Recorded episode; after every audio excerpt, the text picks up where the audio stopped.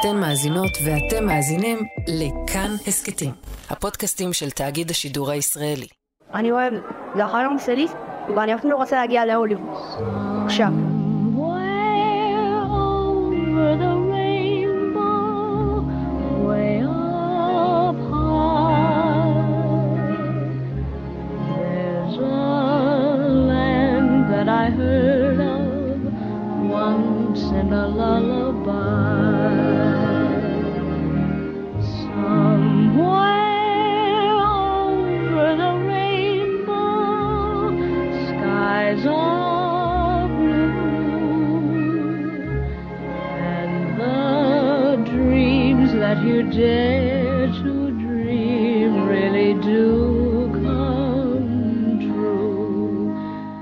מאחורי הקלעים, שעה עם רותי קרן על צידו הנסתר של עולם התרבות והאומנות.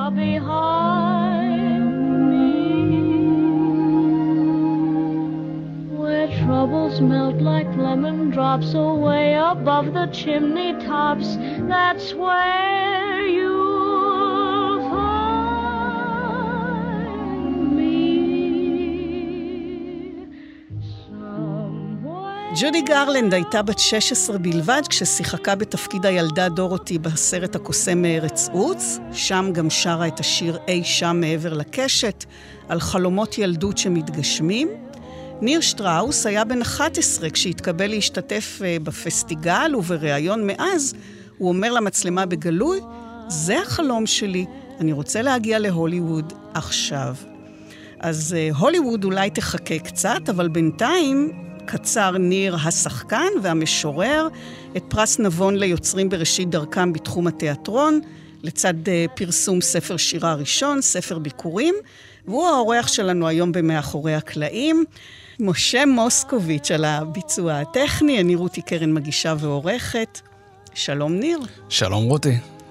יש משהו כובש וקסום בילד שעיניו נוצצות והוא אומר בנחישות, בלי להסס, שהוא רוצה את זה, את הבמה, את התיאטרון. אני אישית מכירה היטב את התחושה הזאת, ילדה בת חמש שמצביעה לעבר הבמה בקאמרי, אברהם חלפי, שושיק שני, אריק לביא, יוסף כרמון, בהצגה "עוץ לי גוץ לי", ואני אומרת, אני רוצה להיות שם. אז איך התחיל החיידק הזה? אתה זוכר מתי הבנת שאתה רוצה להיות שם? מתי הבנתי שאני רוצה להיות שם? אני מניח שפשוט מהרגע הראשון שראיתי טלוויזיה, שראיתי תיאטרון, אני זוכר פעם אחת שממש נפל לי אה, העציץ הזה על הראש, מה שנקרא. אני הלכתי לראות הצגות ילדים עם ההורים שלי, ו... בשלב מסוים רציתי יותר מזה, והם הסכימו לקחת אותי לתיאטרון של מבוגרים. הייתי בן שמונה או תשע, והם החליטו לקחת אותי להצגה בשם כולם היו בניי, אחר כך לומדים את זה בתיכון, All my sons. רק מה? אמרו לי, תשמע, בסוף הגיבור יורה בעצמו וכנראה תהיה ירייה, וזה יהיה מאוד מבהיל, אז שתדע. עכשיו, גם בהצגה, מי שמכיר את המחזה, זה ברור שיש רגע בסוף המחזה שיוסי פולק, הגיבור, ג'ו קלר, יוצא החוצה, זה ברור מה עומד לקרות. ואני, בתור ילד, כל כך נשאבתי לזה, כל כך, הייתי הילד היחידי באולם, כל כך נשאבתי לזה, כל כך הייתי עם הדמויות, הם היו נראים לי אנשים, הם לא היו נראים לי דמויות, ופשוט נבהלתי כל כך. כאילו לא ידעתי שזה עומד לבוא. וזה היה הרגע שאמרתי, וואו, יש לזה כוח יותר גדול מהחיים. הבנתי את זה בתור ילד, ואמרתי, זה מה שאני רוצה לעשות. בעצם עוד קודם כבר שיחקת בבובות, שזה בעצם סוג של תיאטרון קטן. כן, היה לי בעצם אה, מין בובות כאלה. ושיחקתי כי הם היו הפרטנרים שלי בעצם. יותר מזה, גם נהניתי מהדבר הזה שבתיאטרון בובות יש יכולת של איזשהו storytelling. יש אדם שהוא נמצא מעל תיאטרון הבובות, נכון? תיאטרון הבובות זה מין קופסה כזאת, והוא עושה עם הידיים בובות, היו לי בובות בכל יד, וגם יכולתי להיות המספר מלמעלה. זאת אומרת, כל כך הרבה יכולות שיש לילד בשביל להמחיז את עצמו. זה גם, זה גם באיזשהו מקום התיאטרון הדי טהור, לא? כן, ברור. התיאטרון בובות, נכון? גם יש משהו בבובות שאתה מוכן ללכת איתו עד הסוף. ואז אתה מגיע לפסטיגל בגיל 11, כי ההורים דחפו? לא, לא, לא. תשמעי, יש לי משפחה שההפך מדחפה. סתם, היא לא עודדה אותי למשהו שאני לא רציתי מעצמי. זה היה נראה כמו משהו מאוד אז איך מאוד... מגיעים לפסטיגל בגיל 11? האמת היא שאני אשמע מאוד מבוגר כרגע ביחס לעצמי, אבל מודעה בעיתון. ממש. מפתיע. הייתה מודעה בעיתון שמחפשים ילדים לפסטיגל, ופשוט ביקשתי מאימא שלי להתקשר למודעה, והזמינו אותי לאודישן שהיה בבית ציוני אמריקה בתל אביב. והגיעו... מהעיניים שלי זה היה מיליונים, כמובן שלא היו שם מיליונים, אבל כל רחבת בית ציוני אמריקה מפוצצת בילדים, והאמת שזה היה כמו תוכנית ריאליטי, כי נכנסים, בשלב מסוים אומרים, מכם אנחנו נפרדים, אתם תמשיכו איתנו. והרגע הזה שבו אה, חנוך רוזן, במאי הפסטיגל, מסתכל עליי ואומר, אתה כן. זה רגע מאוד משמעותי, כי למרות שהייתי בטוח בעצמי, עדיין אף פעם אי אפשר להיות בטוח. תמיד יש ספק. תמיד זה לא בהכרח תלוי נכון. רק בך. גם היום כשאני עושה אודישנים, אני חושב לעצמי, לקבל את התפקיד בסוף זה דבר מורכב מאוד, זה דבר שתלוי בהמון המון משתנים, לא בהכרח תלוי בך, נכון. אבל להיות מצוין, כן תלוי בך. להיות הכי טוב שאתה יכול, כן תלוי בך, ויכולתי רק להיות הכי טוב שאני יכול בפורמט הזה של אודישן לפסטיגל, אבל הרגע הזה שהוא אמר, אתה כן, זה רגע מדהים. כן. השחקנית גילה אלמגור נהגה לספר שגם כשהיא הפכה לאחת מן הגברות הראשונות בתיאטרון, שחקנית רבת זכויות, יוצרת קולנוע מוערכת, כלת פרס ישראל, ובכל זאת היא סיפרה, הייתה צריכה להתקשר ולהגיד, שלום, אני גילה אלמגור, יש תפקיד בשבילי? אז בגיל 11 אמר לך חנוך רוזן, אתה כן, ואתה מופיע על במות גדולות, עם כוכבים, זה סולל את הדרך, זה מייצר ביטחון שבהמשך כשחקן מתחיל שיצא מבית ספר למשחק, אתה אולי חושש פחות שיגידו לך לא? זאת שאלה מאוד מעניינת מה שאת שואלת, כי מצד אחד אני כן יכול להגיד שאי אפשר להתעלם מזה שכשאני מגיע לאודישן, אז אני זוכר שבדרך קיבלתי כל מיני אישורים. מצד שני, תמיד אתה מתחיל מההתחלה, שזה לא רלוונטי מה עשית לפני זה. וקרה לך שגם אמרו לך לא. אה, כן. מה שנקרא, אנשים לא סופרים את הלא, כי זה, זה בלתי, בלתי ניתן אה, לספירה. כן, ברור, יש המון המון המון לא. המון. לא התקבלת למשל ללהקה צבאית. כן, זה היה כאב לב מאוד מאוד אה, גדול. לימים התקבלתי לתיאטרון צה"ל, אבל זה לא משנה. הפער הזה בין זה שלא התקבלתי ללהקה צבאית לאודישנים לתיאטרון צה"ל שקורים אחרי, היה מאוד מאוד קשה, מפני שהייתי ממש כוכב להקת נוער. הייתי בשכנים של צ'יץ', קיבלתי את הסולואים הכי גדולים, הייתי הזמר שם. ובשלב האחרון לא התקבלתי, וזה היה, זה היה מכה מאוד גדולה. כי לא אה, הבנת? כי עד אז לא חוויתי כזה כישלון. את גם מדברת על תקופה שאני כבר לא בן 11, הייתי בן 17, והייתי כבר במגמת תיאטרון, וגם במגמת תיאטרון שיחקתי תפקידים גדולים, ופתאום הרגשתי שאני מתמודד עם כל הכוכבים של להקות הנוער. פתאום זה לא רק הכוכב נוער של הלהקה הזאת, אלא אני וכולם. לימים אחר כך באמת ראיתי שמדובר בילדים שעסקו בשירה על אמת. אני עסקתי בזה כחלק משואו של אה, מחזות זמר, אבל יש אנשים שממש היו בפיתוח קול וכולי, ממש, ממש, ממש. אז ובכל זאת, כשבין עשרות, או אולי מאות ילדים שהגיעו להיבחן, אומרים לך, אתה כן, בוחרים בך, רואים אותך, ובכל זאת אמרת לי אתמול, זה מקצוע שמעט מאוד אנשים רואים אותך. באמת. עכשיו, אנחנו מדברים על שחקן, אתה לא איש של מאחורי הקלעים כמו רוב האנשים אה, שמגיעים לתוכנית הזאת. אתה פרפורמר בפרונט כל ערב. רואים אותך מאות. אבל הנה אתה אומר שבעצם זה מקצוע שלא רואים אותך. אז מה זאת אומרת?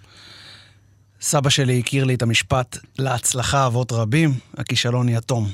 מתי רואים אותך? כשאתה מאוד מאוד מאוד מוצלח. הדוגמה הכי גדולה שיש לי זה מההצגה גאון בכלוב, שמה שנקרא, לא שיחקתי שם באמת, אלא קפצתי לשחק עם אוזנייה. מחליף. באותו בוקר, מחליף, אבל uh, מחליף uh, לא אמיתי. כלומר, באותו בוקר אומרים לך, מחר בערב יש הצגה, תפקיד די ראשי, וואו. טקסטים באורך מגילת, אה, לא יודע, וייתנו לך אוזנייה, ואתה תעלה על הבמה. עכשיו, בסוף, בסוף בסוף, יש כפיים.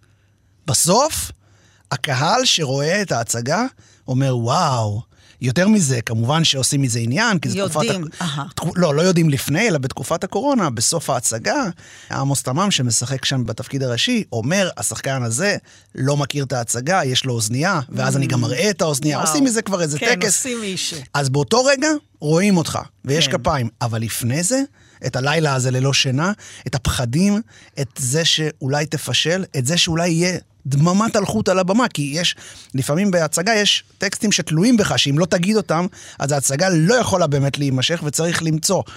וכן, גם לפעמים אה, מאחורי הקלעים לא תמיד רואים אותך. כן, אבל אם אנחנו מדברים כרגע על המשפט הזה שאמרת, שהוא לא מתייחס באמת למקרים כאלה יוצאי דופן. מאין בא משפט כזה על שחקן שתכלס, רואים אותו. זה מה שאני הוא על אומר. הבמה. זה מה שאני אומר, רואים אותו בקצה התהליך. רואים אותו בסוף. אבל רואים, רואים? רואים אותו אחרי שהוא כבר נחל הצלחה, אבל יש הרבה לא.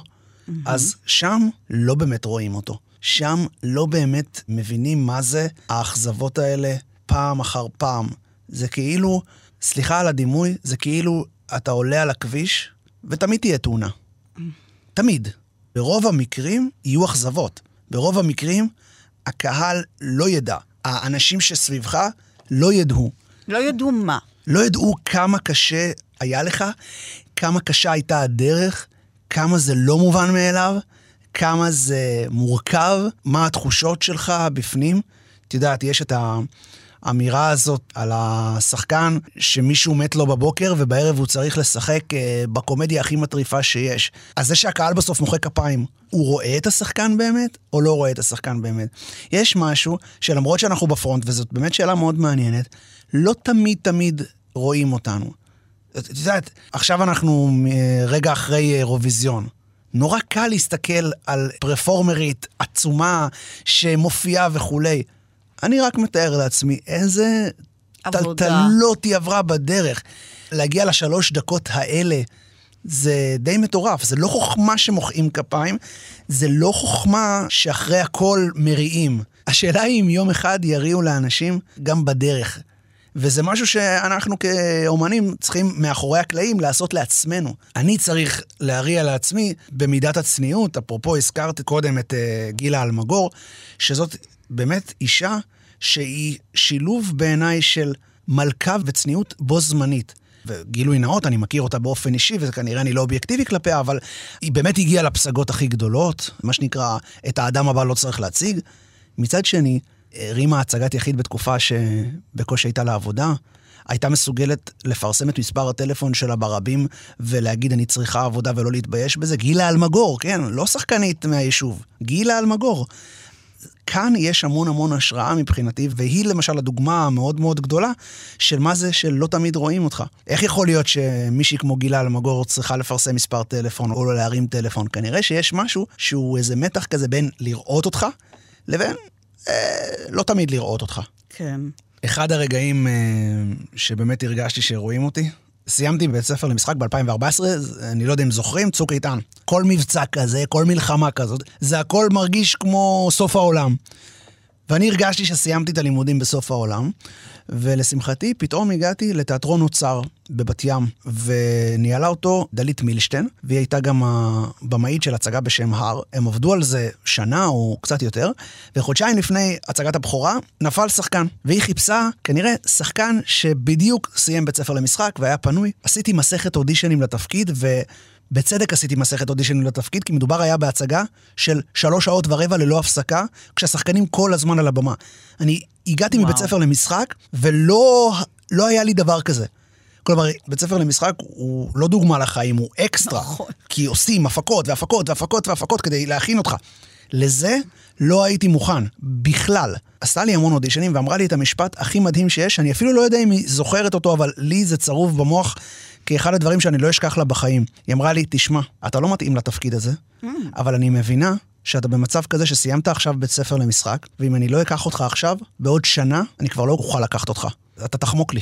וזה... כבר יחטפו אותך אחרים. כן, וזה היה אולי הדבר הכי יפה שאמרו לי בתקופה של כאוס, של לצאת מבית ספר למשחק, לא מובן מאליו, ואני חייב לסיים את הסיפור ולהגיד שהיא באמת צדקה, ואולי עם מילים בורות מציאות. ציפי פינס לקחה אותי לתיאטרון בית לסין מאוד מהר יחסית, ולא ידעתי מה אני אעשה, כי יש לי מחויבות מאוד, מאוד גדולה לתפקיד ולהצגות שאני משחק בהן. דלית קבעה איתי בבית קפה, לא בתיאטרון, אמרה לי, תשמע, אני רוצה לתת לך לפרוס כנפיים.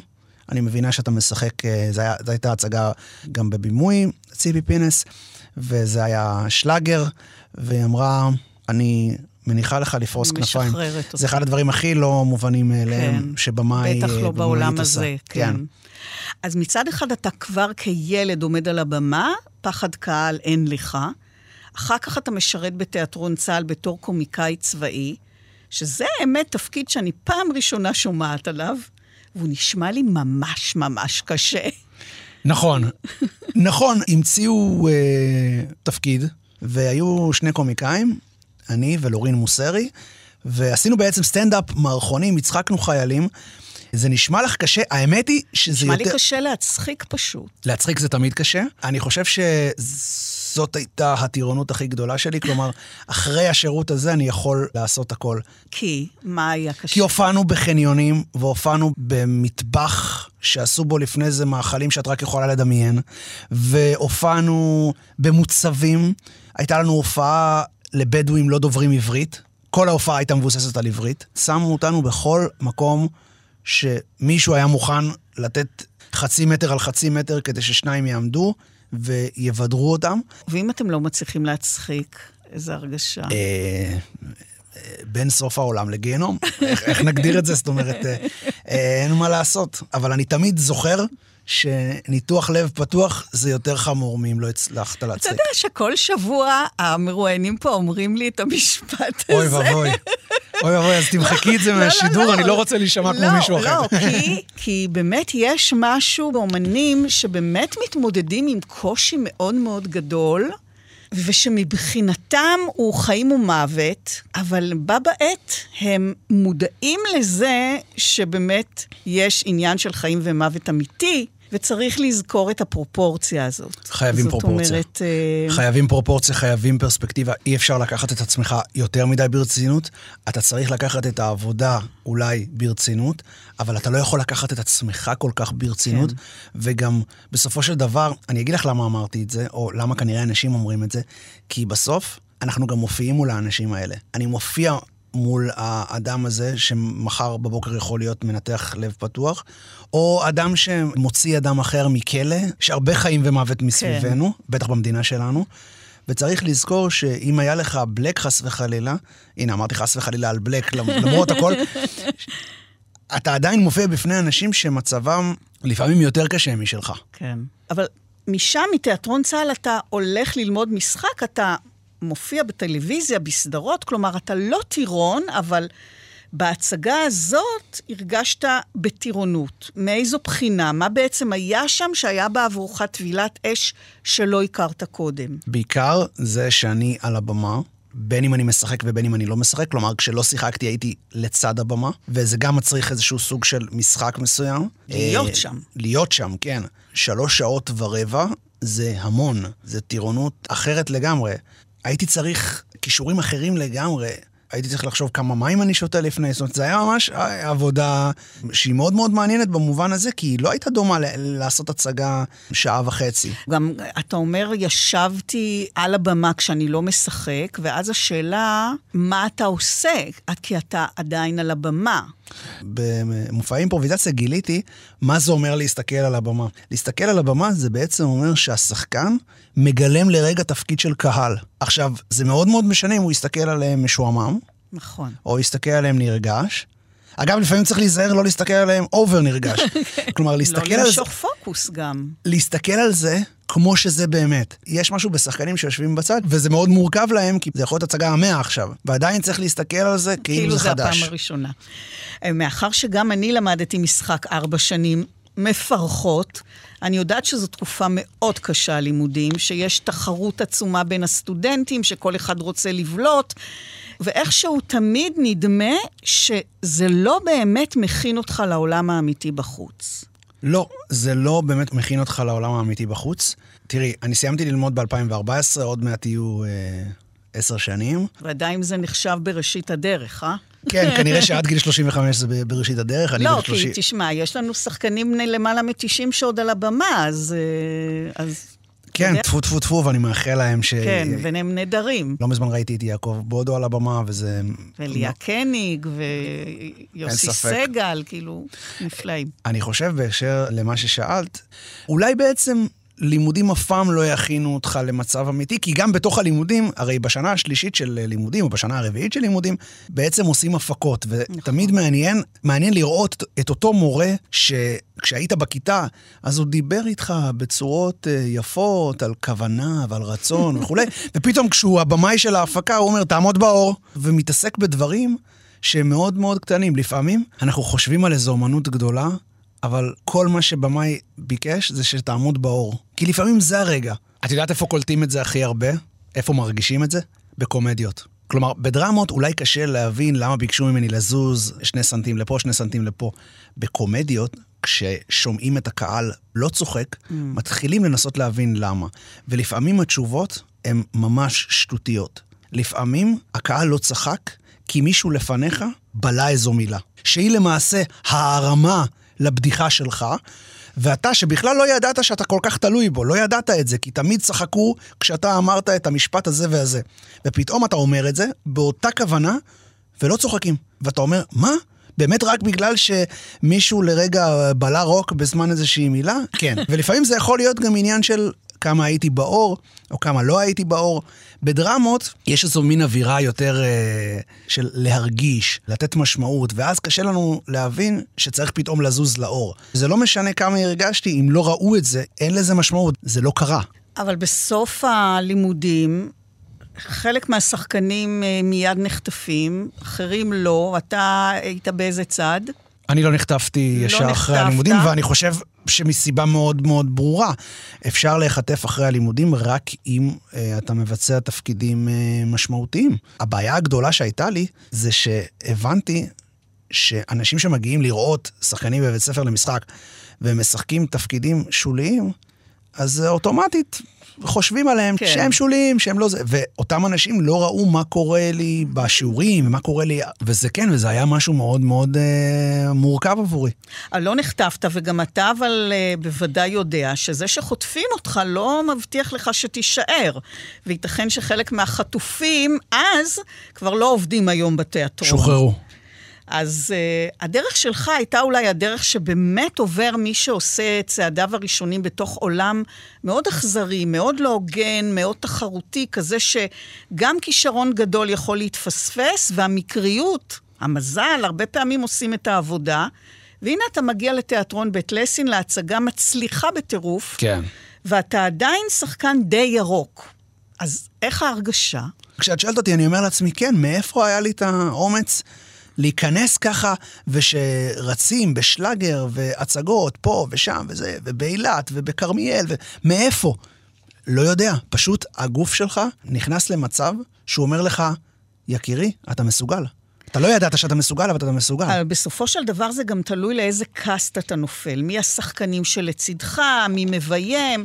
יש כאן uh, מצב מאוד עדין של יחסי אנוש. שחקנים הם אנשים מורכבים, uh, אקסצנטרים. בלשון המעטה. כן, עם שיגעונות כאלה ואחרים, אגו, חרדות, וכמובן עניין הוותק והניסיון, הפרסטיז'ה. מחד יכולים להלך אימים, לנצל את הפער בין המבוגר לצעיר החדש.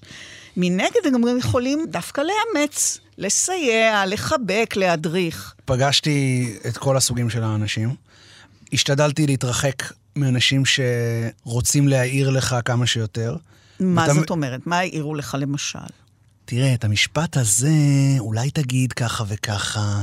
תראה, כשאני עומד בקדמת הבמה, אל תעמוד כל כך רחוק ממני, שזאת הערה שבמאי נתן. תעמוד רחוק. תנסה להתקרב כדי שהפנים שלי ייראו מספיק לקהל. שחקנים הרבה פעמים חושבים ככה, ובמאי למשל בכוונה רוצה לרגע שיראו את השחקן הזה באיזה מין פרופיל. אבל השחקן עצמו לא אוהב את זה. אבל אני חייב להגיד שאני לרוב משתדל להתקרב לאותם אנשים שכמו שאמרת, רוצים לאמץ. והמושג לאמץ הוא כאילו נשמע גדול, אבל אני מאמין שגדלים וצומחים מהערות טובות ובונות, וגם רק כשאתה מרגיש שמאמצים אותך, אז אתה מרגיש מספיק בנוח ששחקן יגיד לך, תשתדל לא לעמוד כל כך רחוק וכולי, פתאום יש יחסים. אבל היו גם הערות אה, יותר אה, מגעילות מ"אל תעמוד כל כך רחוק"? כלומר... היו הערות של... אה, פעם אחת הגעתי לבמאי שרצה לבחון אותי באופן אישי, זה קרה בבית שלו, וזה היה אודישן, כן? זה לא הייתה חזרה, וכבר לא היינו בהפקה. לרגע אחד הוא אמר, כן, כן, אתה נהדר, תראה, וכן, אתה גם תוריד קצת במשקל ויהיה בסדר. אמרתי לו, לא מדברים ככה. אז אמר לי, מה הכוונה? אמרתי לו, אין כוונה, לא, לא מדברים ככה. זה לא, לא מעניינך, בכלל. הוא נורא נבהל, ובסופו של דבר הוא אמר לי, בוא נתחיל חזרות, ואמרתי לו, שמע, אני לא בטוח שאני יכול ככה להתחיל חזרות. התחושה הייתה שהרגשתי ש... שהוא לא מבין משהו מאוד מאוד מהותי ביחסים. כמובן, אני, אני, אני זוכר לו את המשפט הזה.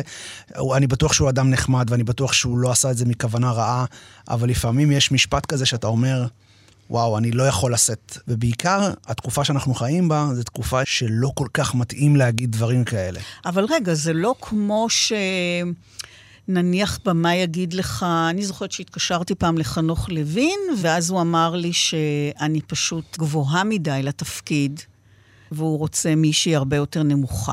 עכשיו, הוא אמר את זה, אני חייבת להגיד, אני תמיד סיפרתי את הסיפור הזה, ש, שזו הייתה דוגמה למישהו שאומר לך לא, בצורה שהיא הרבה יותר מנומסת ויפה ממישהו שאמר לך כן. זה היה מאוד אלגנטי איך שהוא אמר את זה, אבל השאלה אם ההערה הזאת שאתה מספר עליה היא לא משהו בעולם התיאטרון שהיא לגיטימית, כי צריך לתפקיד הזה נתונים פיזיים מסוימים. גבוה ונמוך, לא תלוי בך, לא אומרים לך. את גבוהה, את תתנמכי בינתיים, או לחילופין, אם את נמוכה כן. מדי לתפקיד, אז הבמה ישים לך פלטפורמות והכל בסדר, כן. וסביר להניח שאפילו הוא לא יספר לך את זה, הוא ילחשש את זה עם המעצבת mm. תלבושות, והוא לא יספר לך את זה אפילו. כן. אבל uh, להגיד למישהו, אתה תעשה בשבילי איזו השתדלות, במין אגביות כזאת, אין לזה מקום. כן. ואפרופו מה שאמרת על חנוך לוין, כן, צריך גם לדעת איך, איך להגיד, להגיד לא. את זה. זה נכון. מאוד מאוד משמעותי, ולו רק מפני שיש כל כך הרבה לא, אז צריך לדעת איך לצאת אנושי גם בלא. בהצגה כימים אחדים, על פי רומן אה, מאת אה, מאיר שלו, אתה משחק בתפקיד הראשי, לצד הרבה מאוד שחקנים ותיקים, מנוסים. זה נראה לי עוד יותר מפחיד כשאתה בתפקיד מרכזי. נכון מאוד, אני גם אגיד משהו שאת לא אמרת, שחקנים מצוינים. ואני לא אומר את זה כי הם עשויים לשמוע, אלא כי באמת מדובר בשחקנים מעולים, וזאת הייתה חוויה שאני חייב להם המון, כי הם נתנו לי את המקום להוביל, וזה לא מובן מאליו בכלל. אחד הדברים שאני חושב זה שברגע שאתה משחק תפקיד ראשי בתוך אנסמבל ובהצגת אנסמבל, אחד הדברים שאתה חייב זה המון ביטחון לעשות את זה. מצד שני, המון צניעות. יש פה אנשים שהיו לפניך, אתה חייב לתת להם מקום. אתה לא יכול לבוא עם איזה אגו של דיבה, מי אתה ומה אתה. ושוב, מצד שני, כן לנסוח בהם ביטחון שאתה מסוגל לעשות את התפקיד הזה, כי להוביל הצגה זה לא דבר פשוט. עכשיו, המחזה עוסק בילד בן 12 שמספר סיפור. ההצגה היא למעשה הסיפור שמסופר לקהל. ולילד הזה קוראים זיידי, שמשמעותו ביידיש סבא. כלומר, ילד קטן מתהלך עם השם סבא. הסיפור נפתח כשזיידה מספר שאימו נפטרה והוא נותר אה, יתום מאם, אבל עם שלושה אבות. הוא מספר את זה כעובדה, כסיפור. אבל לפני זמן מה, באחת ההצגות, נשברת והתחלת לבכות ברגע הזה. כן, הפרמיירה של ההצגה הייתה ביום שבו אה, יום מותה של אמי, לאחר 21 שנים. לא סיפרתי את זה לקאסט, שזה העיתוי. זה היה מאוד מאוד מרגש עבורי. אחד הדברים שאני הכי אוהב, גם בספר וגם בהצגה, זה שלא עושים עניין מהמוות. כלומר, על ההתחלה זה נאמר, אימא שלי מתה ואני מספר את זה כן, לאחור. הדמות. הדמות, גם הספר, גם ההצגה. כן. אבל מתישהו זיידה חושף מה קרה לאימא שלו, וביום הפרמיירה, ביום שבו אימא שלי נפטרה, פתאום זה חזר אליי, והיה בזה כוח מאוד גדול. וכן, באמת אה, בכיתי. כי החיבור הזה הרי קיים כל הזמן, וכל פעם שאתה עולה על הבמה בתפקיד הזה, אתה אומר את המשפט הראשון הזה, אימא שלי מתה, יש משפט יותר גדול מזה, יש משפט, הייתי בן 12 והייתי בן 12. וכבר יתום. שזה הסיפור שלך. כן. בעצם. שזה משפט שאני לא צריך לשחק. זה באמת, כן. כלומר, אני אומר אותו לבמה, וזה באמת אני. החנן שניר הבמאי, שבחר אותך מכל השחקנים שהגיעו להיבחן, לא ידע את סיפור חייך. לא. נכון? מה קרה באודישן? למה אתה חושב שהוא בחר בך? תראי, יש משפט שלמדתי מציפי פינס, אתה לעולם לא תדע למה לא קיבלת את התפקיד, ואתה לעולם לא תדע למה כן קיבלת את התפקיד. אז למה קיבלתי את התפקיד? כנראה שהתשובה תישאר אה, עמומה. אני חושב שגם במאי לא תמיד יודע, אבל בסוף האודישן... אה, מה עשית באודישן? מה שעשיתי, החלטתי להפוך את אחת התמונות להצגת יחיד. הוא אמר לי, קח את המחזה, תמצא ממנו איזה מונולוג קטן. עכשיו, כל המונולוגים, אני משחק, אה, גם מספר בהצגה, כל המונולוגים הם דיווחיים קצת. ואז אמרתי, אני רוצה לבוא לאודישן, ואני רוצה לעשות אה, מה שנקרא את הקטע הדרמטי הטוב ביותר. אז גילמתי כבר את כל הדמויות, כאילו הם אני, והחלטתי לעשות מזה שואו שלם. בעצם עשיתי לו מין החלאה של כמה תמונות. הוא אמר לי, אה, אני כנראה אודיע לך בקרוב, וזה היה מין רגע כזה בין במאי לשחקן שאתה מבין שיהיה בסדר. ואחרי שהוא קיבל אותי, אמרתי לו, אני יכול לספר לך משהו? אימא שלי גם נפטרה כשהייתי בן 12, ואני מזדהה עם הבן אדם הזה מאוד, מאוד מאוד. ואיך הוא הגיב? אחד המוטיבים הכי גדולים בהצגה זה גורל, והתשובה הראשונה שלו הייתה, זה גורל. עם כל uh, גדולתי כבמאי, לא יכולתי uh, לנצח את הגורל שהפגישו אותי איתך, מבלי שבכלל ידעתי. כן. וזאת הייתה התשובה שלו, וזו תשובה יפהפייה. לכאורה נדמה שאם שחקן חווה משהו שהוא צריך לשחק, זה לטובתו. הוא אולי יוכל לשכנע יותר, להיות אמין יותר, לחיות שוב את מה שהוא חווה על בשרו. מצד שני, אנחנו מדברים על תיאטרון, על כאילו. שחקן שמשחק את ריצ'רד השלישי לא באמת צריך ניסיון של רוצח. כלומר, זה אפילו אולי יכול להקשות. אז איך אתה מתמודד עם העובדה שאתה בתפקיד ראשי בקאמרי ומשחק ילד שכמוך איבד את אמו בגיל 12? כי תמיד צריך לזכור שזה לא מאה אחוז אתה. גם כשאתה משחק את עצמך, זה לא מאה אחוז אתה. יש איזשהו מרחק מסוים, יש איזשהו פער מסוים. ואמרת על ריצ'רד השלישי, שלא בהכרח הוא צריך להיות רוצח, אבל סביר להניח שריצ'רד השלישי, השחקן שמגלם את ריצ'רד השלישי, צריך להתחבר לתחושות ילדות שלעגו לו. שהשפילו אותו, נכון, אולי לא בגלל גיבנת, אולי לא בגלל שהוא נראה חצי אפוי, אבל מסיבות אחרות. וגם הבחור היפה ביותר עלי אדמות חייב להתייחס לתפקיד של ריצ'רד השלישי ולהתחבר למקומות שבהם הוא הרגיש מאוד מאוד קטן ועלוב. אז בזה יש לי כנראה יתרון שאני מכיר את חוויית היתמות. יותר מזה, זה בן אדם שמספר אחורה על יתמות. נכון. כלומר, הוא יתום כבר הרבה זמן, וגם אני יתום כבר הרבה זמן. זה מאוד מאוד משמעותי. אז זה אה, כן שירת אותך? בוודאי כן שזה שירת אותי. השתמשת בזה? בוודאי שזה שירת זה אותי. לא היה מסוכן לך? אני לא חושב שזה היה מסוכן לי, מפני שיש לי באמת פרספקטיבה אחורה על המוות של אימא שלי, וזה דווקא תרפיה מעניינת עבורי. אני כן. מאוד מאוד אוהב את זה. זה הכוח של במה ושל uh, משחק, היכולת לשים את הדברים שהרגשתי באופן מאוד בודד, באופן שאף אחד לא הזדהה איתו, למול 900 איש פתאום. איזה כוח יש לזה? בעצם אימא של חרותי הייתה הקהל הראשון שלך. עוד לפני הפסטיגל, עשית לה הצגות בסלון. נכון, נכון. הצגתי לה את כל הסיפורים שלמדנו בגן, נכון.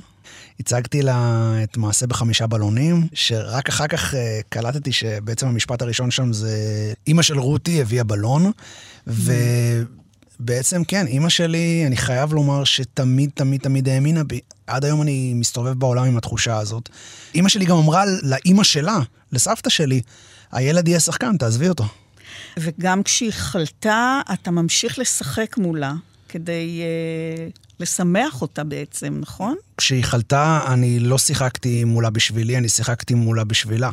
אני רציתי לשמח אותה כמה שרק אפשר. מדובר על תקופה מאוד מאוד קשה עבורה, שלא את כולה גם יכולתי להבין, וגם היום לא את כולה אני יכול אה, להבין, מפני שמדובר על טיפולים מאוד קשים, והיא סבלה המון, את זה ראיתי שהיא סבלה המון, בהתחלה זה התחיל כשאני רציתי להשוויץ בפניה איך אני משחק, ואחר כך זה המשיך שאני פשוט רציתי לשמח אותה. הייתי משחק מולה, ואחר כך יכול ללכת לצד לבכות, כי זה מורכב לשחק, מה שנקרא, נכון.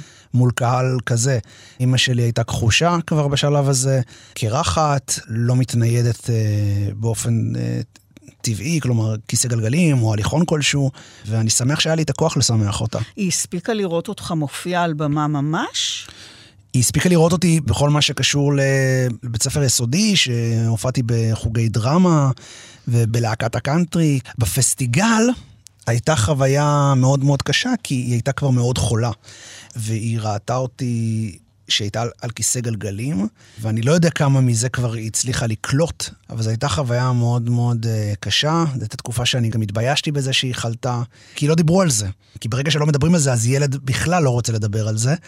ובפסטיגל היא בעצם uh, הגיעה וישבה על הפרקט, ראיתי אותה הכי קרוב שיש. וראיתי שהיא פשוט uh, סובלת, והיה לי מאוד מאוד קשה לראות את זה. זה היה מין שילוב של ההיי הכי גדול, מופיע כן. מול עשרת אלפים איש, פסטיגל, אורות, שמחה, לאימא אחת בקהל שיושבת במקום שבו יושבים uh, אנשים עם כיסאות גלגלים. היא חייכה, אבל היא חייכה מתוך סבל. כן. והיה לי קשה לראות את זה בתור ילד, זה היה מורכב. שנתיים לאחר מות אה, אמך, גם אביך נפטר, ואתה גדל בעצם אצל סבא וסבתא. איך זה מעצב אותך כאדם, כשחקן, כשילדותך, נעוריך עוברים כשאתה חי עם אנשים זקנים? בהצגה אתה משחק את הילד ששמו זיידה, סבא. כאן אני מוצאת נקודת חיבור מאוד חזקה. נכון, רציתי להגיד שהרבה פעמים נדמה לנו שנקודת החיבור של דמות היא יתום. הנה, יתום, אז הוא... ויכול להיות שדווקא החיים לצד אנשים מבוגרים, כשגם כאן אני משחק אדם שהוא עם אנשים מבוגרים. אבל גם קוראים לו סבא. וקוראים לו סבא. אני חייב להגיד שאחת התמונות uh, בהצגה, זה שכבר אחד האבות, זקן, בכיסא גלגלים, כן. זו תמונה שבה הוא בעיקר מדבר ואני מקשיב. ואני זוכר שבחזרות אמרתי לחנן שניר, אני חייב להודות שזה רגע שהייתי רוצה לשבת בקהל ולראות את זה, כי אני הקהל של התמונה הזאת. כי אני חוויתי עם סבא וסבתא שלי, בעיקר עם סבא שלי, בדיוק את הרגעים האלה. ושוב, זו תרפיה מאוד גדולה לקיים אותם שוב מול 900 איש. וכן, את צודקת, יכול להיות שגם הדבר הזה של לחיות עם מבוגרים, זה המפתח של הדמות הזאת כימים אחדים. אבל בכלל, אתה חושב שזה... היה לזה השפעה על, ה, על ההבניה שלך כשחקן? חד משמעית, החיים לצד זקנים זה חיים אחרים לגמרי. זאת uh, עברית אחרת, זה קצב אחר, זה עולם אחר, זה הכלה. זאת סבלנות, אני מדבר איתך בתקופה שאני טינג'. כן, זה בדיוק. מאוד מאוד מורכב, ו... אני רק אגיד שאני חייב לסבא וסבתא שלי את נעוריי, אין, אין לי, את יודעת, זה, וזה משפט קטן לעומת מה שהם נתנו עבורי, וזה גורם לי עד היום, עד היום לאנשים מבוגרים אני, אני חומל. מאוד מאוד קשה עם זקנה, זה מורכב מאוד. לפעמים קשה להיות אה, סובלניים לקשישים, ואני חושב שצריך לעבוד על זה. ומבחינת העבודה שלך כשחקן, זה בא לידי ביטוי מאוד, מהסיבה פשוטה שכשאני משחק עם אנשים מבוגרים, אני דואג להם במאה אחוז. אתמול שיחקתי בהצגה, ואני רואה לאחד השחקנים, ה... לא נעים לי לומר מבוגר, כי כל אחד רוצה להרגיש צעיר, אבל אה, יותר מבוגר ממני, בסדר? אני רואה שהסוליה שלו לא מי יודע מה, ואני גם מכיר אותו שהוא לא מספיק ער לזה. וזאת הצגה שרצים בה, שקופצים. נכון שאולי אני רץ קצת יותר, כי אני יותר צעיר, אבל לא סיפרתי לו. ניגשתי ל... לזאת שאחראית על הבגדים, ואמרתי לה, הנעליים שלו צריכות תיקון. ואז היא אמרה לי, אתה בטוח? הוא לא אמר לי. אמרתי לה, כן, יכול להיות שהוא לא שם לב. הסוליה שלו קרועה לחלוטין, אני ראיתי את זה. וזאת חלק מהאחריות שאני מרגיש, זאת כן. קללה וברכה הדבר הזה. כן. והיא הסתכלה על זה, ואז בסוף היא אמרה לי, וואו, הסוליה, איך הוא, איך הוא בכלל דורך? זה שזה גם קסם של אנשים מבוגרים, הם, הם, זה כמו אימא שמרימה את המשאית שכמעט דורסת את הילד שלה, הם מסוגלים לזה. וזה משהו שאני כל הזמן עושה. אם אני רואה איזה בורג בטעות על הבמה לא במקום, אני מיד אזיז אותו, כי אני חושב תמיד על האדם המבוגר שקצת פחות רואה ממני, כן. ועשוי להיתקל בזה. בהצגה יש לזייד אה, משפחה. בשחזור המסופר זה זולג גם לתחושת משפחה מבחינת הקשר שלך עם השחקנים שלצידך, לא רק בהצגה הזאת. או שבאים לעבודה, עולים על הבמה, משחקים והולכים הביתה. אני אגיד משהו משמח וכואב. כל קאסט, כל שחקנים של הצגה הם משפחה שמתפרקת. הם נישואים וגירושים. תמיד. באותו רגע אנחנו כן משפחה, יש לנו ילד משותף, ומתישהו הילד הזה נעלם. ו... כן. אבל לא תמיד נוצרים קשרים כאלה של משפחה, נכון? ישנם כל מיני אינטראקציות, גם עם שחקנים, גם עם במאים.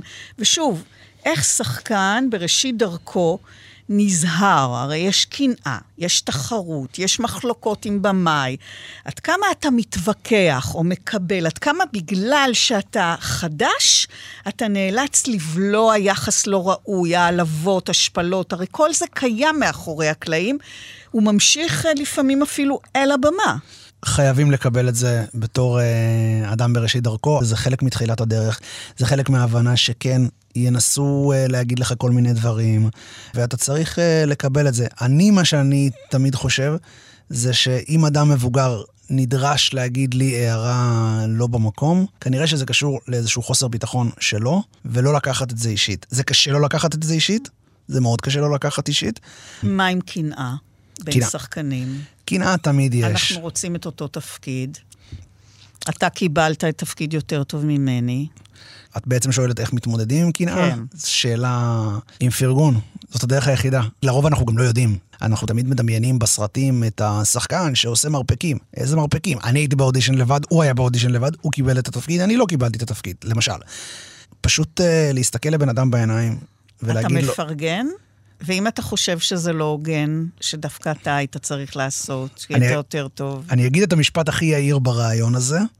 כל מי שלקחו תפקידים שהם לא אני, היו שחקנים מצוינים. באמת. באמת היו שחקנים מצוינים. כמעט, אני לא זוכר מקרה שבו אמרתי, אה, דווקא הוא לקח את זה. באמת באמת היו שחקנים מצוינים.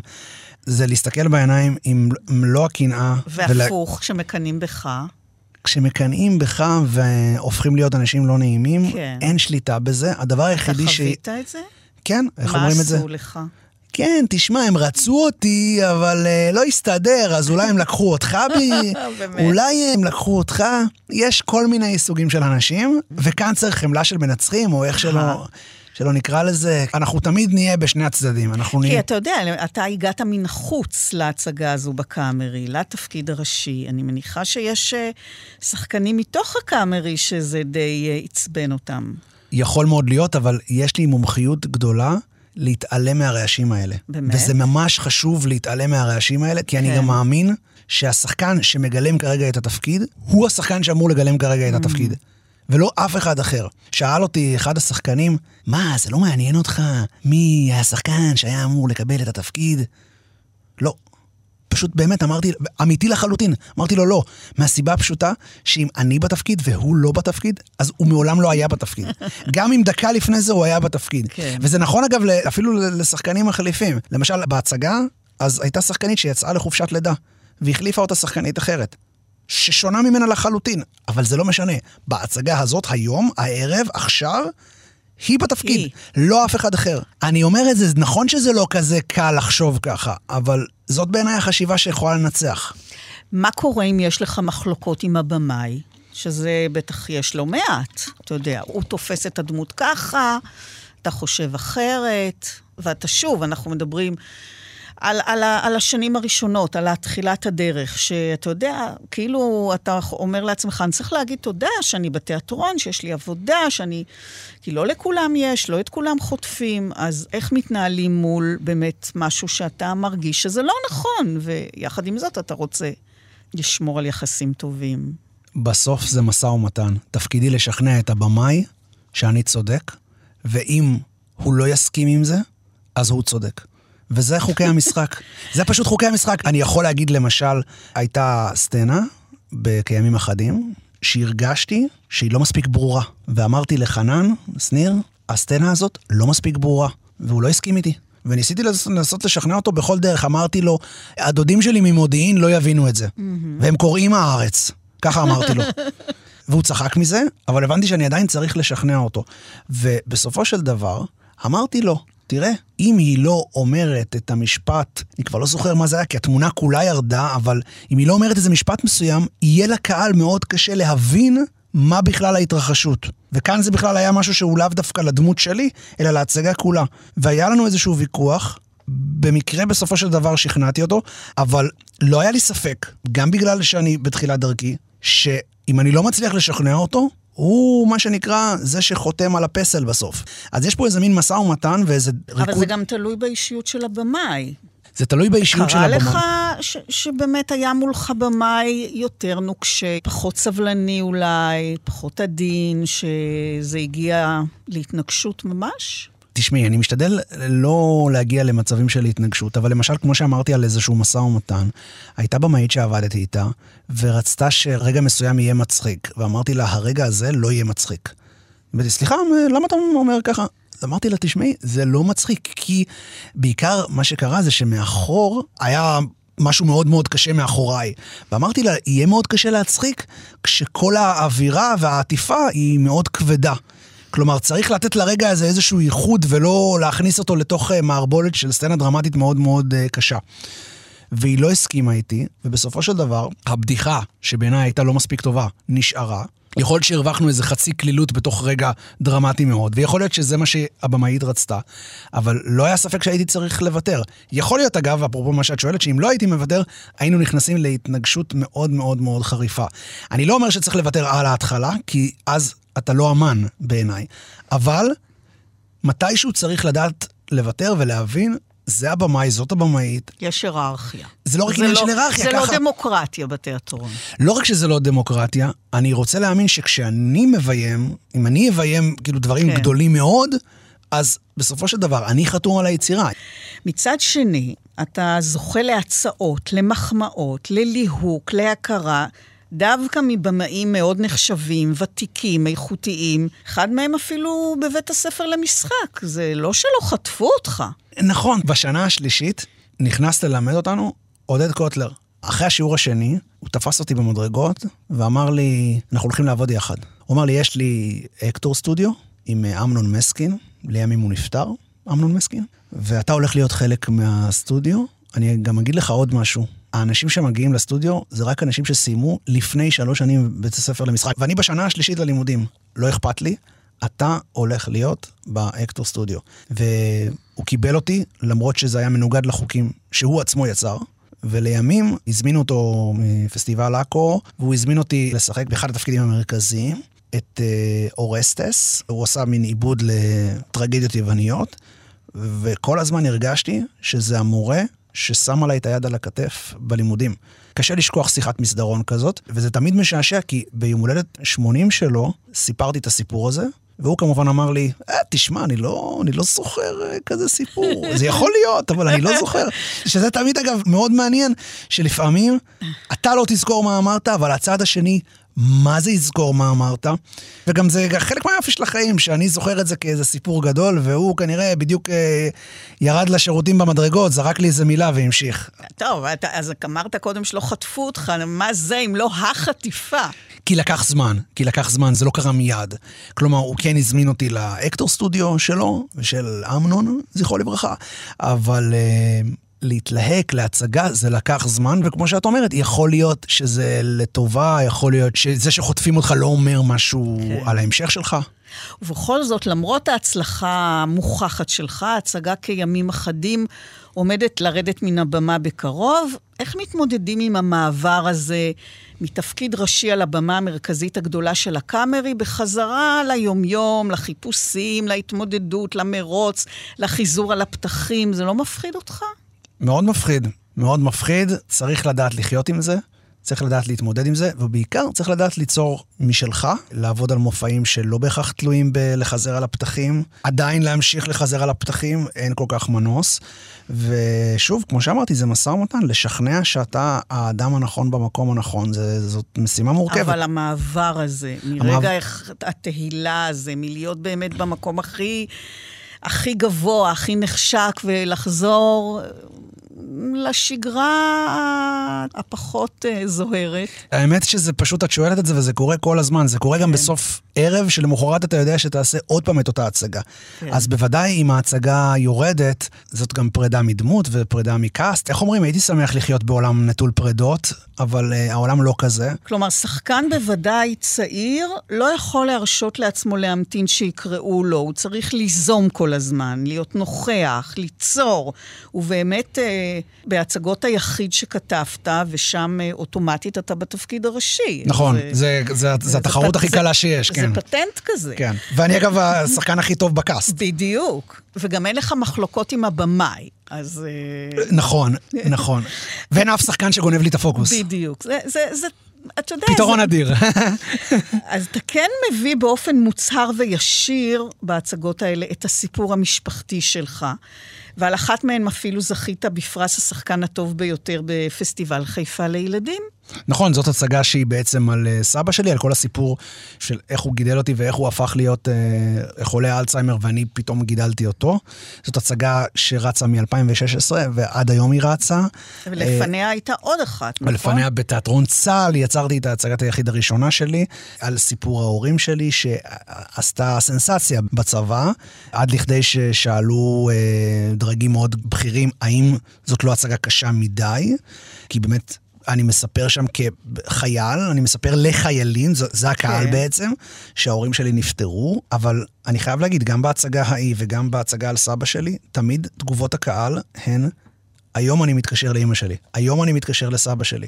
היום אני מבין שהחיים הם לא מובן מאליו, וזה הדבר שהכי הכי חשוב לי להעביר.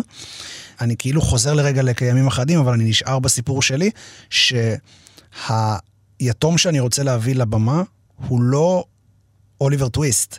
הוא לא אני מרוד שמתעללים בו, לא. הוא לפעמים יכול להיות uh, חצוף, ולפעמים הוא יכול להיות uh, שובב, ולפעמים הוא יכול להיות מעצבן, ולפעמים הוא יכול להיות שובה לב, ולפעמים הוא, לא, הוא יכול גם לא לסיים כמו סיפור סינדרלה שאנחנו מכירים. אני רוצה לספר סיפור על יתמות שהוא אחר ושהוא שלי, ושגם אפשר מאוד מאוד אה, להזדהות איתו. ומה היה בהצגה הזאת על סבא? קוראים להצגה סבא שלי רמטכ"ל, כשסבא שלי כמובן לא רמטכ"ל, וזה מה שהוא חשב שהוא, כי הוא, אה, הוא היה כבר חולה אלצהיימר, ובעצם כל ההצגה אני מנסה להחזיר אותו להיות אה, הסבא שלי, האמיתי, עד שבשלב מסוים אני מבין שחייבים ללכת איתו. כי אם אני אמשיך להיאבק בו, אני לא אצא מזה. כי הוא כל פעם חשב שהוא משהו אחר. כל פעם הוא חשב שמשהו משהו אחר במציאות. בהצגה כמובן אני, אני הופך את זה לדבר ספציפי שהוא רוצה להיות רמטכ"ל, mm-hmm. וחושב שהוא רמטכ"ל, ובשלב מסוים בהצגה אני מתחיל לקנות לו מדים, ואני מתייחס אליו כמו רמטכ"ל. זה קצת כמו שחקן, לא? האמת שנכון, כן, האמת, ש, האמת שנכון, ואת יודעת משהו? זה כמו שחקן, וזה כמו שחקן עם blackout. בעצם זה בן אדם ש... איבד את הטקסט, וגם לא, לא יודע כל כך איך להגיב, והוא ממציא המצאות, היו המצאות נהדרות לסבא שלי. רופא היה שואל אותו, איזה יום היום? אה, נו, איזה יום היום? תגיד לי איזה יום היה אתמול, אני אגיד לך איזה יום היום. הוא עכשיו, התחכם. הוא, הוא התחכם, הוא, הוא היה נגיד באיכילוב, ורופא שאל אותו, איפה אנחנו נמצאים? תשמע, אתה מצפה ממני עכשיו שאני אהיה עם מפות. מה, מה, אתה מצפה ממני, אני לא uh, GPS, אז היה GPS. אני לא זה, אתה תגיד לי, אתה תשמע, אתה, ומה זה בסך הכל, אפרופו מה שאמרת? זה שחקן שלא יודע את הטקסט. לא, זה מדהים, תשמע, הוא סידר, אני לא יודע את הטקסט, הוא סידר לך טקסט, אם השתמשת בזה... חד משמעית, כן, אה, בסופו של דבר... מדהים. תראי, בסופו של דבר אלו פנינים, ושאלת קודם, איך בן אדם שחווה משהו קשה, אחר כך משחק אותו? כן. התשובה היא פרספקטיבה. כי באותם רגעים שסבא שלי לא ידע איזה יום היום ואיפה הוא נמצא, כשהוא בבית חולים, שהוא לא ידע אפילו להגיד שהוא בבית חולים. הוא ראה רופא והוא לא ידע להגיד שהוא רופא, הוא חשב שזה סתם אדם שמדבר איתו, זה היה מאוד עצוב. אחר כך, זה היה גם יכול להיות מאוד משעשע ומאוד שובה לב, והנה עובדה, אני מספר לך סיפורים הכי כואבים שקרו לי, ואת לא במקרה צוחקת מזה, כן. מפני שזה זה החיים, והם גם מצחיקים והם גם עצובים, וזה עניין של פרספקטיבה. סיפור חייך שכנראה זקוק היום, כשאתה בוגר, לביטוי אומנותי, ממלא גם את ספר השירה שפרסמת לא מזמן, גרדום היתומים, שם די מפחיד, אני חייבת לומר. נכון. שם שיעץ לי רוני סומק, אהה. שלחתי לו את השירים ללא שם, היה לי שם אחר בראש, והוא אמר לי, לספר שלך יקראו גרדום היתומים, על שם אחד השירים כמובן, ושאלתי אותו, זה לא מפחיד? הוא אמר לי, נכון. וחשבתי על זה כמה ימים, כולם אמרו לי שאני טועה, וזה היה הרגע שהבנתי שככה יקראו לספר. וכן, אני לא מחפש לנחמד את המציאות. בעצם שירים שכתבת לאימא. כן, כתבתי אותם מהרגע שאימא שלי נפטרה, כשהייתי בן אה, 12. אני חשבתי שזה הולך להיות ספר שהקונספט שלו יהיה שירים שנכתבו אז ונערכים היום, אחרי 20 שנה, אבל uh, לימים כשעבדתי עם העורך יואב גלבוע, אז פתאום אמרתי, רגע, אבל כתבתי אתמול גם עוד שיר, ורגע, אני רוצה עוד שיר, ועוד שיר, ועוד שיר, והיום אני חושב שהספר מכיל גם שירים שנכתבו פעם, וכמובן בוצעה להם עריכה, וגם שירים שנכתבו בסמוך ליציאת הספר. זאת אומרת, יש פה בספר חוויות יתמות מכל השנים. אבל יש משהו שלקחת מן הדרך כשחקן שסולל את דרכו אל הנתיב החדש הזה שפתחת לעצמך? בכל זאת, שירה היא אומנות לא פופולרית. אין לה קהל של מאות, היא נחבאת בתוך ספרים. אז איך אתה מרגיש עם ספר הביקורים הזה, עם העובדה שהקהל הוא אחד ועוד אחד ועוד אחד, שלכל אחד צריך איכשהו להגיע ולגעת בו? זה הרבה יותר מורכב, זאת אומנות הרבה פחות פופולרית, זאת אומנות תמצות, וצריך להצליח לתמצת ולגעת, אבל יש לה יתרון אחד ש... שאני חייב להגיד אותו. הצגה או מופע חייב לקרות עכשיו, בשעה מסוימת, ביום מסוים, וספר אדם יכול לקנות, מחר הוא פותח, סוגר, מחרתיים הוא קורא שיר אחד, סוגר. כלומר, בניגוד גם לרומן, יש משהו בספר שירה שהוא חוויה נצחית, קטנה יותר, אבל נצחית. והיא לא חייבת לתפוס אותך היום בשמונה וחצי בערב. אנחנו מדברים איתך כאן על ראשית הדרך, בעקבות הפרס שתקבל, אבל הדרך שלך למעשה החלה עוד בסלון הבית עם הבובות, כמו שסיפרנו. אחר כך ההצגות לאימא כשהייתה חולה, ואחר כך זה פשוט עבר לבמה, לתיאטרון, אבל קהל הוא קהל. ומבחינתך כל אחד יכול להיות קהל, גם האחיין שלך, גם סבתא שגידלה אותך, וגם uh, אותה ניסית לשמח כשהיא הייתה על ערש דווי. כשהיא הייתה על ערש דווי, הגעתי והקראתי לה את הסיפור מעשה בחמישה בלונים, שזה הסיפור שהיא בעצם הקריאה לי כשהייתי קטן, ולימים גם בלוויה שלה, כשהחלטתי להקריא לה את uh, מעשה בחמישה בלונים בפעם האחרונה, האמת היא שלא רציתי להגיד הספד, אני פשוט רציתי לספר לה סיפור לפני השינה בפעם האחרונה. ובאמת, הוא מתחיל עם המשפט, אימא של רותי הביאה בלון, והיא אימא של רותי, כי לאימא שלי קראו רותי. לא הפסקתי לבכות, שזה אוטומטית הפך להיות משהו מאוד מרגש בלוויה. אנשים סביבי מאוד מאוד uh, התרגשו, וסיפרתי לך שחבל שטרנטינו לא היה שם. זה, זה באמת רגעים, הספדים זה באמת רגעים שחבל שציידי כישרונות לא נמצאים שם, כי מיטב הכישרון יוצא בהספד. ואז הבנתי משהו שנכנס גם לספר, שהספד הוא נאום זכייה באוסקר. וככה קראתי לאחד השירים בספר, ועכשיו אני כמובן אחפש את השיר, ותראי איזה קטע, הוא מופיע מולי. הספד הוא נאום זכייה באוסקר. הרגע חשוב מהמילים. לא מודדים את כנות ההתרגשות. כולם צופים, מקשיבים, מעוניינים, צמאים שתחשוף איך הכל אירע. שלוש דקות והזמן תם. צליל זר ירמוז חדל. אינך גיבור הטקס. אחריך כבר סוחף הנואם הבא, עכשיו אתה לבד. אתה והנאום. אמרת הרבה, לא אמרת דבר. ואני חושב שכדי לשחק צריך להיות פשוט אמיתי וחשוף, כי זה לא משנה אם אתה מול קהל של בן שנה או מול קהל של בן 80, בסופו של דבר הלב שלך צריך להיות uh, על השולחן. ובכל פעם שאני משחק, בכל פעם שאני כותב, אני בעצם רוצה להרגיש שייך. אני רוצה להרגיש משפחה, את המשפחה שלא הייתה לי, ואני רוצה לייצר משפחה עם האנשים שכרגע אני מופיע מולם או כותב להם, ומבחינתי מחמאה על משחק או על שיר או על מחזה או על תסריט זה כניסה למשפחה, גם אם היא רגעית ודרך האומנות ודרך המשחק ודרך הכתיבה, אני לרגע מרגיש שייך וזה עולם ומלואו מבחינתי. הזכרת את טרנטינו, שחבל שהוא לא היה... ובגיל שלוש רצית הוליווד. מה קורה עם כולכם שרוצים את הקוקטייל הזה של טרנטינו והוליווד? זה מה שאמרה פשוט אה, מור קורל, המיקסולוגית שמייצרת קוקטיילים, שישבה כאן לא מזמן. אבל אתה רצית, ובמידה רבה השגת. בסדר, עוד לא הוליווד, אבל כן להיות שחקן. אתה עדיין רואה את התיאטרון ואת המשחק כמו שראית אז? או שהתפכחת? אני חושב שזה שילוב, כי כשאני משחק, אני מסתכל על זה כהדבר הכי עצום שיש, וכשאני לא משחק, אז אני ביקורתי כלפי זה, ואני שואל את עצמי עד כמה זה חיוני ועד כמה זה נחוץ. נכון שכשצעירים יותר, אז רואים רק את החלום. אני חושב שלאט לאט רואים גם את החלום וגם את המציאות, ואיך איך המציאות יכולה לעזור לחלום ואיך החלום יכול לעזור למציאות. ככה אני רואה את זה. אתה מקבל את אהבת הקהל, אתה פוגש כל מיני קהלים, אבל בסופו של דבר אני מניחה שיש מישהי ומישהו שאת העיניים שלהם נשואות אליך, היית רוצה לראות כשמוחאים לך כפיים. אני תמיד מדמיין את אה, אבא ואימא שלי יושבים בקהל.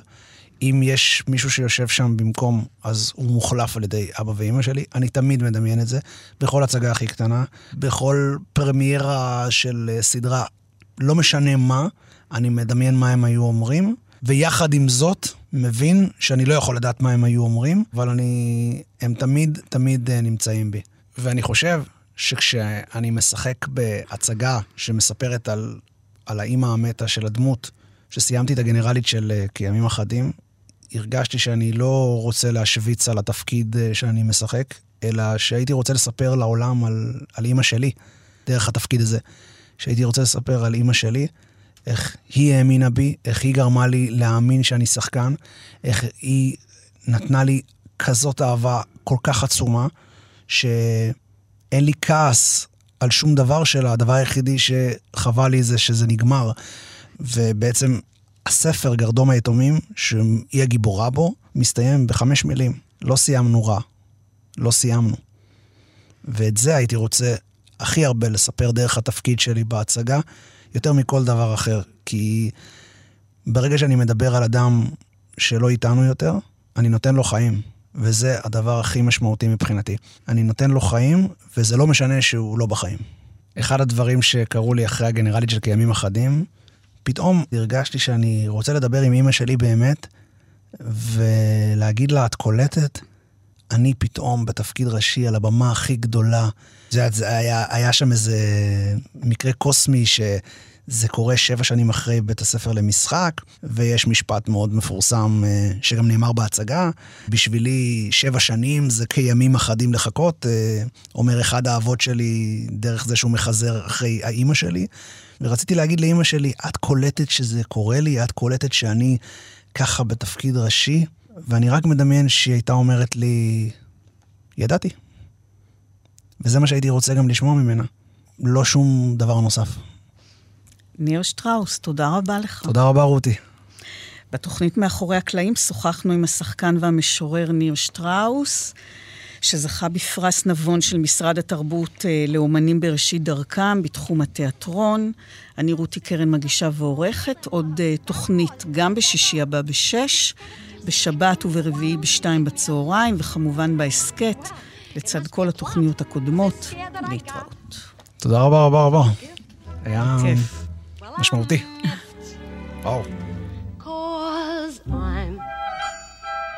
the greatest star. I am by far. But no one knows it. Wait, they're gonna hear a voice, a silver flute. They'll cheer each two. Hey, that kid is terrific. Mm, when I expose it. Now, can't you see to look at me that I'm a natural Camille? As Camille, just feel so much to offer. Hey, listen, kid, I know I'd be divine because I'm a natural cougher. mom ain't got it, not a lump. I'm a great big clump of talent laugh. They'll bend in half. Did you ever hear the story about the traveling salesman? A thousand jokes stick around for the jokes. A thousand faces. Reiterate, when you're gifted, then you're gifted. These are facts. I got no axe to grind. Hey, what are you blind? In all of the world so far, I'm the greatest star. No autographs, please. You think beautiful girls are gonna stay a star forever? I should say not. Any minute now they're gonna be out. Finished! Then it'll be my turn. Humph. Who is the pip with pizzazz? Who is all ginger and jazz? Who is as glamorous as?